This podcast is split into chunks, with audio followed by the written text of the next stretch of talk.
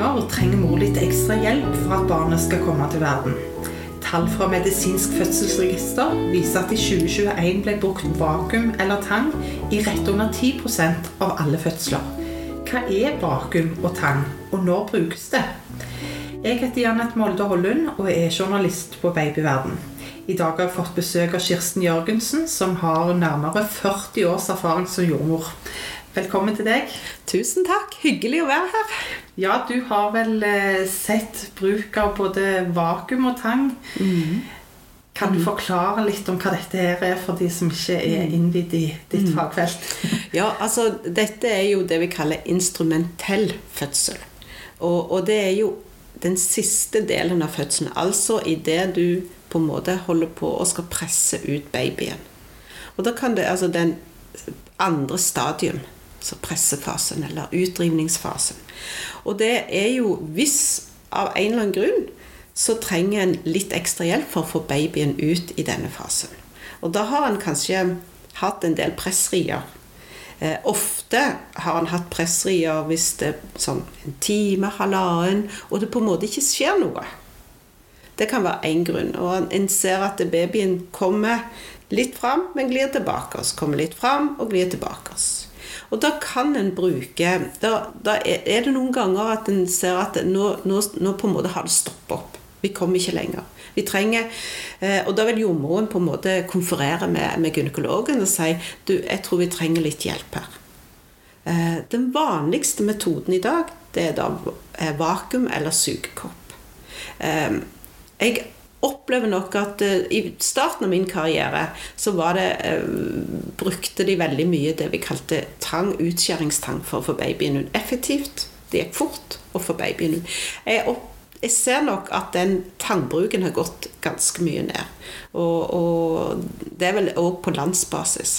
Ja, En ser jo forskjellen på tallene her, at det er under 2 som uh, i fjor var med tang, og så er resten med vakuum eller mm. sugekopp. Mm. Og det har nok noe med at tang, da, da skal en vite hva en gjør. En skal være, en skal være kompetent. Mm. Og, og, og, det, det er en, eh, en skal, eh, det er en mer krevende eh, metode enn vakuum. Vakuum er, sies kan på en måte sette altså, Det er òg krevende, men ikke på samme måte som tang. Så Derfor er det jo mange leger i dag som på en måte kvier seg litt for å bruke tang. Fordi at det, disse tangskaftene skal ligge korrekt for å ikke gjøre noe feil med babyen. Men det kan en på en måte ikke gjøre ved sugekopp. Da setter en jo en, en, en sug, en kopp. Den kan være av metall silikon, eller rett og slett det vi kaller en kiwikopp. Vi har liksom forskjellige metoder for denne suge, eh, vakuum- eller sugekoppen. Eh, vel, sånn lett vakuum eh, brukes veldig mye det vi kaller kiwi. Det er liksom et hånddrevet vakuum. Og det er en sugekopp med litt sånn sett eh, så er altså det Hva jeg skal si? Det er veldig sånn litt plastikk med litt skum. Gummi, på en måte. Mm -hmm. Veldig skånsomt for babyens hode. Brukes ofte vel lettere altså hvis en bare trenger et par drag for å få liksom hodet fram. Og dette er liksom på bakhodet? ja, en setter det på bakhodet. Det er veldig viktig at en kjenner at det er ikke, ikke på pannen mot øyene, men legen setter det på, ba, på bakhodet på en måte. Eller midt sånn Passe på at det ikke er panne og øyne, for å si det sånt. Kan hende at det kan komme litt på skrå òg. Kommer litt an på hvordan hodet står. Så det kan jo hende at det står litt i skråhodet. Eh, så jeg har jo sett at, at en kan sette et vakuum litt sånn, ikke midt på, men litt på skrå òg. Mm. Det er vel gjerne derfor en trenger vakuum, for det er noe som Så stanser opp. Ja. ja. for det er jo det en ser. at det, altså, en har, Kvinnen har trykket og trykket, presset og presset, Og det skjer liksom Kommer seg ned til et punkt, men kommer ikke lenger. Mm. Kommer liksom ikke over eh, symfysen, som vi sier der. For eksempel. Men en skal på en måte se i hodet. Det skal ikke, en kan ikke sette vakuum eller sugekopp, tang, for høyt. Hvis hodet er for høyt og i bekk, hvis hodet er inni bekk, bare i bekkeninngangen, så kan en ikke. Hvis det er høyt oppe, det må ha kommet bra langt ned. Sånn at det, er en vurdering lege og jordmor gjør sammen. Mm. Så det skal liksom være nær bekkenbunnen. Ja, for du skal se hva du holder på med. Ja, ja. det skal ikke være Altså det å legge, legge tang eller vakuum på et høy, høy foreliggende del, eller høyt hode, det gjøres ikke i dag. Det gjøres før, hvor en ikke hadde den tilgangen på keisersnitt, men det gjøres stort sett ikke i dag. Er det noen sånn grense for Du snakket om at du gjerne presser en time halvannen. Jeg har hørt at én time er maksgrense for å presse. Er det noe eh, veiledende der? også? Ja, én til halvannen time. Det, det kommer litt an på. Altså, du kan jo ha full åpning uten å ha pressetrang. Så er det, det, det på en måte Det er ikke fra når det er full åpning, men når du aktivt begynner å presse. Og hvis det overstiger 1 til 1 halv time Det kan jo hende at det overgår litt over en time, for du, du som jordmor så tenker å, ja, han kom nå litt lenger fram nå. Jeg prøver litt til. Men liksom, jeg bruker i alle fall, vi bruker liksom sånn når det har gått sånn halvannen time aktiv pressing, eller litt over en time i det rommet der, så bør en kontakte lege. Og selv om det har vært full åpning, som vi sier, det kan en ha i flere, i tre timer. Men det er den der, hvis en har presset aktivt i over en time, rundt en time. Ja, for da er en, redd for barnet, da? Ja, for det, det er jo en belastning for babyen. Selvfølgelig så lytter en hele veien. Og for noen, hvis, det, hvis de har f.eks. epidural, så har de gjerne kontinuerlig overvåkning. Men en lytter jo alltid på hjertelyden hele veien. Og følger med at ikke det er Stort sett tåler jo disse babyene det. De tåler. Men, men en skal liksom ikke eh, presse for lenge heller. Uten at det skjer noe, som vi sier. Hvis det står bommende stilt, så er det bedre å få hjelp. Og kvinnen blir jo òg fullstendig utslitt. Og det å få litt hjelp da, kan være et veldig gode. Du sier du setter vakuum. Hvordan gjør du dette? Kjenner kvinnen dette godt? Hun, det, hun kjenner nok ikke Altså, det er klart Hun kjenner ikke at det settes vakuum på. Nei. Det, det gjør hun ikke. Sånn, men det er jo du, du har jo så mye vondt, da.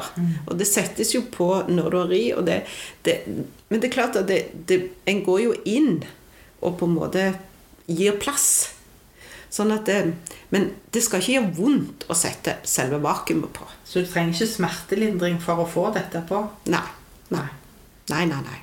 Det, og det eh, en, Når en Altså Vakuumet det er jo et samarbeid med kvinnen. Altså det er sugekoppen. Når en på en måte drar i vakuumet, det er når kvinnen presser. Så det er jo liksom en drahjelp. Og det kan være en årsak til at riene kanskje ikke er fullt så gode. Du er sliten. eh, Babyen står litt skeivt, eller litt sånn Bare det å få den drahjelpen. Men kvinnen må presse. Du, det er ikke sånn at du slutter å, å presse sjøl. Det, det står ikke noen med full kraft og drar ungen ut. Nei, nei, nei, nei. Det er samarbeid. Og det er veldig viktig da å høre, for da er det jo alltid en lege inne sammen med jordmoren. Og det er legen, eh, gynekologen, som legger vakuum og ha det. Styre det. Men det er jo et samarbeid mellom lege og jordmor og fødekvinnen. Sånn at da må den høre på, på legen. Nå kan du presse, og samtidig så drar, eller drar legen med vakuumet. Og det bruker å være Det er veldig skånsomt, og det bruker å gå veldig fint hvis alt ligger til rette for det. Eh, og som regel så vil da jordmoren samtidig eh, altså prøve å For å unngå rifter og støtte, støtte i vevet når babyen på en måte kommer altså hodet kommer ut. Ja. Noen ganger så, så hender det jo òg at de legger litt bedøvelse eh, hvis en må gi et lite snitt for å få babyen ut. Hvis en må f.eks. klippe litt for å få babyen ut. Noen ganger så gjør en det òg. Det er litt en vurdering lege og jordmor gjør sammen. Så dette her, når du trenger den ekstra drahjelpen på et eller annet vis, så er det jordmor som kontakter leger, så er det de som tar avgjørelsen. Mm. Ja. Det er, alle, det, det er alltid Ja, for jordmor da er Og det kan òg det, det kan være at babyen det går litt tregt, som jeg sier. Det, det tar litt tid, og det, jordmor tror at, tenker at dette nå, nå må vi ha litt hjelp. Og da tilkaller en alltid lege. Og det kan òg hende at eh, hjertelyden begynner å Altså, det påvirkes. At eh, Nå er det jo sånn at eh, hjertelyden kan påvirkes i siste delen av fødselen. Det, det er jo trangt. Og så har vi jo sånn at vi, noen ganger så trykker det på, på øyet. Og så kan en se dette at hjertelyden går ned. Men hvis den ikke da tar seg opp, så kan en tenke at ja, kanskje vi må få denne babyen litt fortere ut nå. Uten at det er dramatisk, men at en må få den ut litt fort. Men hvordan er stemningen på fødestuen når en sånn avgjørelse må tas? Er det spent og hektisk, og så kan mor føle seg stressa når dette skjer? Altså, Som regel når det er vakuum, eh, så prøver en å si det at du og jordmoren informerer litt, i alle fall, Det er min erfaring. og sånn som jeg bruker å si, du, Nå syns jeg dette tar litt tid, eller babyen har det ikke så bra, så jeg tror vi må få en lege inn nå og så få litt hjelp. Er det i orden for deg? Eh, det, er, det kan godt hende at det blir en sånn sugekopp på hodet for at vi skal få hjelpe babyen ut. Og jeg opplever òg, hvis en da forklarer det litt i forkant, så, så, så syns kvinnen paret det, det For de har, de har jo en medbestemmelse. Mm. Selvfølgelig har de det. Men kan det du si nei? Nei, altså vil du si nei? Nei. Det er ingen som vil det, tror jeg. Og, og jeg tenker òg at det, det er jo dette med Altså en, det er jo ikke, det, Selv om fødekvinnen par hadde bestemt at dette skulle skje helt naturlig, og vi skulle ikke ha noe hjelp, så er det jo sånn at det, hvis målet er å få et friskt barn, og en må ha hjelp til det, så er jo det det viktigste. Da må middelet på en måte eh, vike for målet, for å si det sånn. Og da må en ha hjelp, så må en ha hjelp. Og ingen, alle vil jo ønske det. At, eh, Men du ser som regel hva vei det går eh, Ja. under fødselen, så du har tid til å informere? Ja. Jeg syns ofte Hvis ikke det blir akutt eh, Det kan jo bli akutt dårlig hjertelyd. Eh, Og noen ganger eh, kan det bli så akutt at en ikke har tid til å informere. Må, og da klart det blir jo en litt hektisk stemning. Det kan det bli. Altså litt sånn Hva skjer nå? Det opplever jo Kan jo par eller fødekvinnen og partneren opplever at det, Hva det var nå som skjedde? Men en har som regel tid til å si du, vi, må, vi må hjelpe babyen ut nå Fast, raskt. Du må bare være med og samarbeide. Men hvor lang tid kan det ta da fra en far får den sugekoppen eller vakuumet da, til babyen ute? Nei, det kan ta Altså, det kommer jo litt an på riene. En bruker jo å si det at en tre til fem drag. Og hvis da babyen ikke kommer fram, så må en, så må en konvertere til andre metoder. F.eks. keisersnitt. Det skjer jo. Men det skal som regel komme ut på tre til fem drag. Torben. Pleier du å gjøre det òg? Er det Ja. ofte en måte keisersnitt? Nei, ikke ofte, men det skjer. Det òg kan skje. Da er det, altså, og da når ikke, ikke vakuumet er- fører til målet, så må en Og hvis en da har tid, f.eks. at det er bare det at babyen ikke er kan være for stor, kan være feilinnstilling, men hjertelyden er fin, så har en jo tid. Men det kan jo òg hende at eh, Altså, fødsel kan jo være dramatisk. Det kan jo hende at en kanskje må raskt av gårde og ta informasjonen etterpå. Men som regel når det gjelder vakuum, så går det stort sett eh, greit. Men det er alle muligheter her òg. Det er det, det vi ikke vet. Mm. Men hva, jeg tenker barnet som får gjerne Du snakker om det er en liten sånn metall som blir satt rett på hodet Ja. til barnet. Hvordan vil det påvirke barnet? Altså jeg tenker Vi er jo så redde for dette hodet når vi har et nyfødt barn. Men de tåler en del. Absolutt. Og de tåler veldig mye. Og jeg, jeg tenker at det, eh, de vakuum vi legger i dag, er ganske skånsomme. Eh, Og det er Altså, jeg og det er jo fordi at hvis ikke vakuumet fører til målet, så går en over til Så konverterer en til keisersnitt, for, for å si det sånn. En har ikke de langvarige eh, Jeg kan huske før i tiden eh, hvor vi hadde vakuum som var virkelig harde, hvor, hvor babyen hadde sår i hodet. Det syns jeg vi ser veldig veldig sjeldent i dag. Og det kunne jo være, selvfølgelig være smertefullt. Og det et vakuum kan jo være gi litt smerter for babyen etterpå. Noen ganger. Og da, har, da gir en gjerne litt Paracet til babyene. Men sånn videre så er det Og det, det er jo egentlig ikke så ofte at vi gir det heller. Jeg syns det er skånsomme su- vakuumsugekopp i dag. Da vil barnet få litt rare hodepasong, kanskje? Ja da, noen kan få en sånn Og spesielt hvis det er lagt liksom litt på skrå, så får de en sånn en tupp ut Har, har kun vi se. Og det er liksom en hevelse som går tilbake av seg sjøl. Mm. Tar lang tid, det? Ja, det kan ta litt tid. Det, det er noen som, som tror at det Noen ganger så er det borte dagen etterpå, noen ganger kan det faktisk gå uker. Og det vi òg kan se etter vakuum, pga. at det kan være hevelse med litt blodansamling, det er at disse babyene i barseltiden, eller etter fødselen, ofte kan få litt gulsot. For de får litt mer røde blodlegemer som skal nedbrytes i leveren. Litt, altså, med, men en normal, altså en gulsot. Mm. Så de, de, kan få det. det. det. er sånn at vi, vi følger alltid med det. Mm -hmm. Hvis de blir litt gule, så er det ofte kan skyldes et vakuum.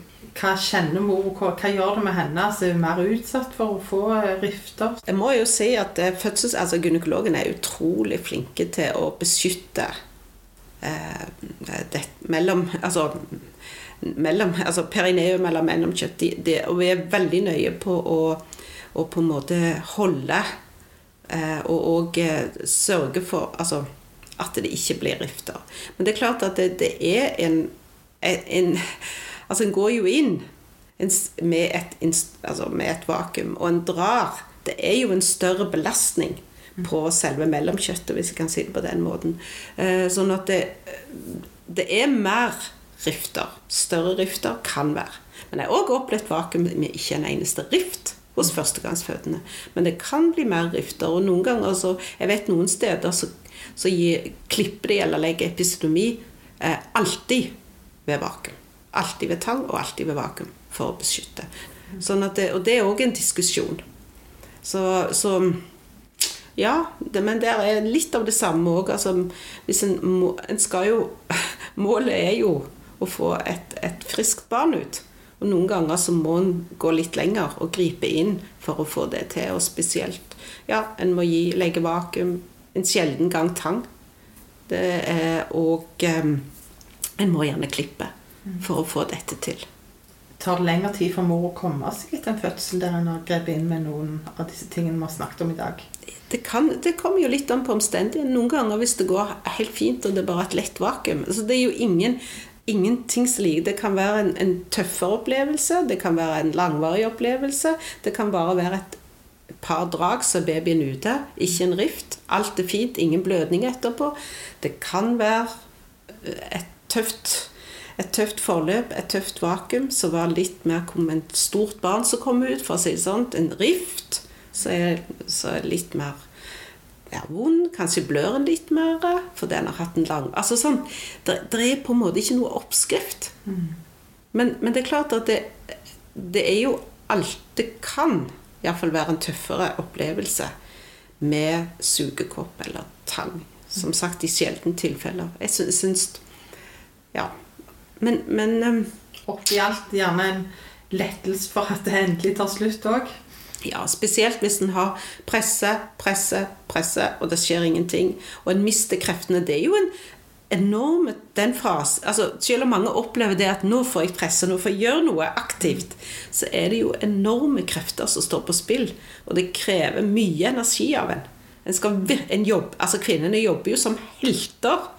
Og det er klart, når du bare ligger der og presser og presser og presser eh, en time uten at du på en måte når målet, mm. så kan det være en Og det, jeg opplever mange kvinner som sier 'Å, hjelp meg! Jeg må, dette må Sant? Og det altså å få den hjelpen er en enorm lettelse. For da, det er vel akkurat den lille ting, det var akkurat det lille draget som skulle til. Og så føder de baby, altså de, de føder jo babyen sjøl. De får bare en lite drahjelp for å, babyen, for å hjelpe babyen ut. Men de er jo med å presse. Brukes oftere når du har førstefødsel, eller kan det òg skje i andre eller tredje eller flere? det er nok mest vanlig ved førstefødsel. Mm. Og, og, det er klart, hvis du har hatt det med førstefødsel, så er det jo alltid sånn at den er litt mer obs på neste. Men det trenger ikke være sånn. Før i tiden så drev en og målte bekken og sånne ting for ja. at en gjerne var redd at barn ikke var Altså det var for stort å komme ut. Det har en gått vekk ifra. Ja. Det, det en, I dag brukes ultralyd. Mm.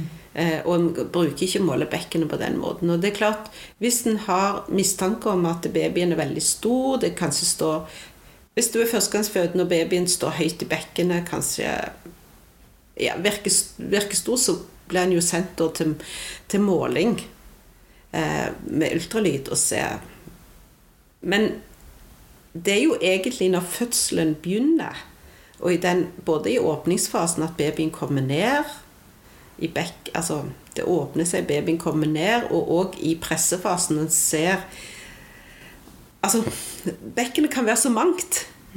Men hvis en mistenker et stort barn, så er en alltid litt mer obs på fremgangen i en fødsel. Både i åpningsfasen, men òg i utdrivningsfasen. Så hvis vi oppsummerer her, så er det altså litt ekstra drahjelp til mor, dette her. Mm. Litt ekstra drahjelp til mor, og kanskje en skånsom måte å få babyen litt fort ut hvis det er nødvendig. Men det hender jo òg at dette ikke fører til målet, og at en må, må over, altså konvertere til keisersnitt. Og det, det så jeg sier òg, dette er jo det er jo det, altså det er middelet for å nå målet. Et, et friskt barn. Og en frisk mor. det går bra. Og det går så bra. Det går Ja. veldig bra. Men vanligvis er nok eh, dette med sugekopp vakuum det vanligste i dag. Mer vanlig enn en tang. Men noen sykehus bruker også tang, og fordi de har gynekologer som er veldig bekvemme å bruke tang, og kan det. Og da legges det rundt babyens hode, og, Mm. og en hjelper ut. det. Det går gjerne fortere. Det er jo det med tang at du legger disse tangbransjene rundt barnets hode, og så vipper du det ut.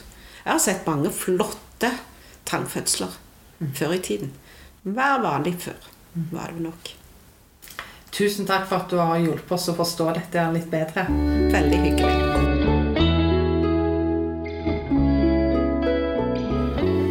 Ønsker du å lese mer om fødsel, har vi mange artikler på babyverden.no. Der kan du òg bestille fødselsboken, som gir deg all informasjon du trenger for å forberede deg til fødselen og den første tiden etterpå. Boken er gratis, du betaler kun porto.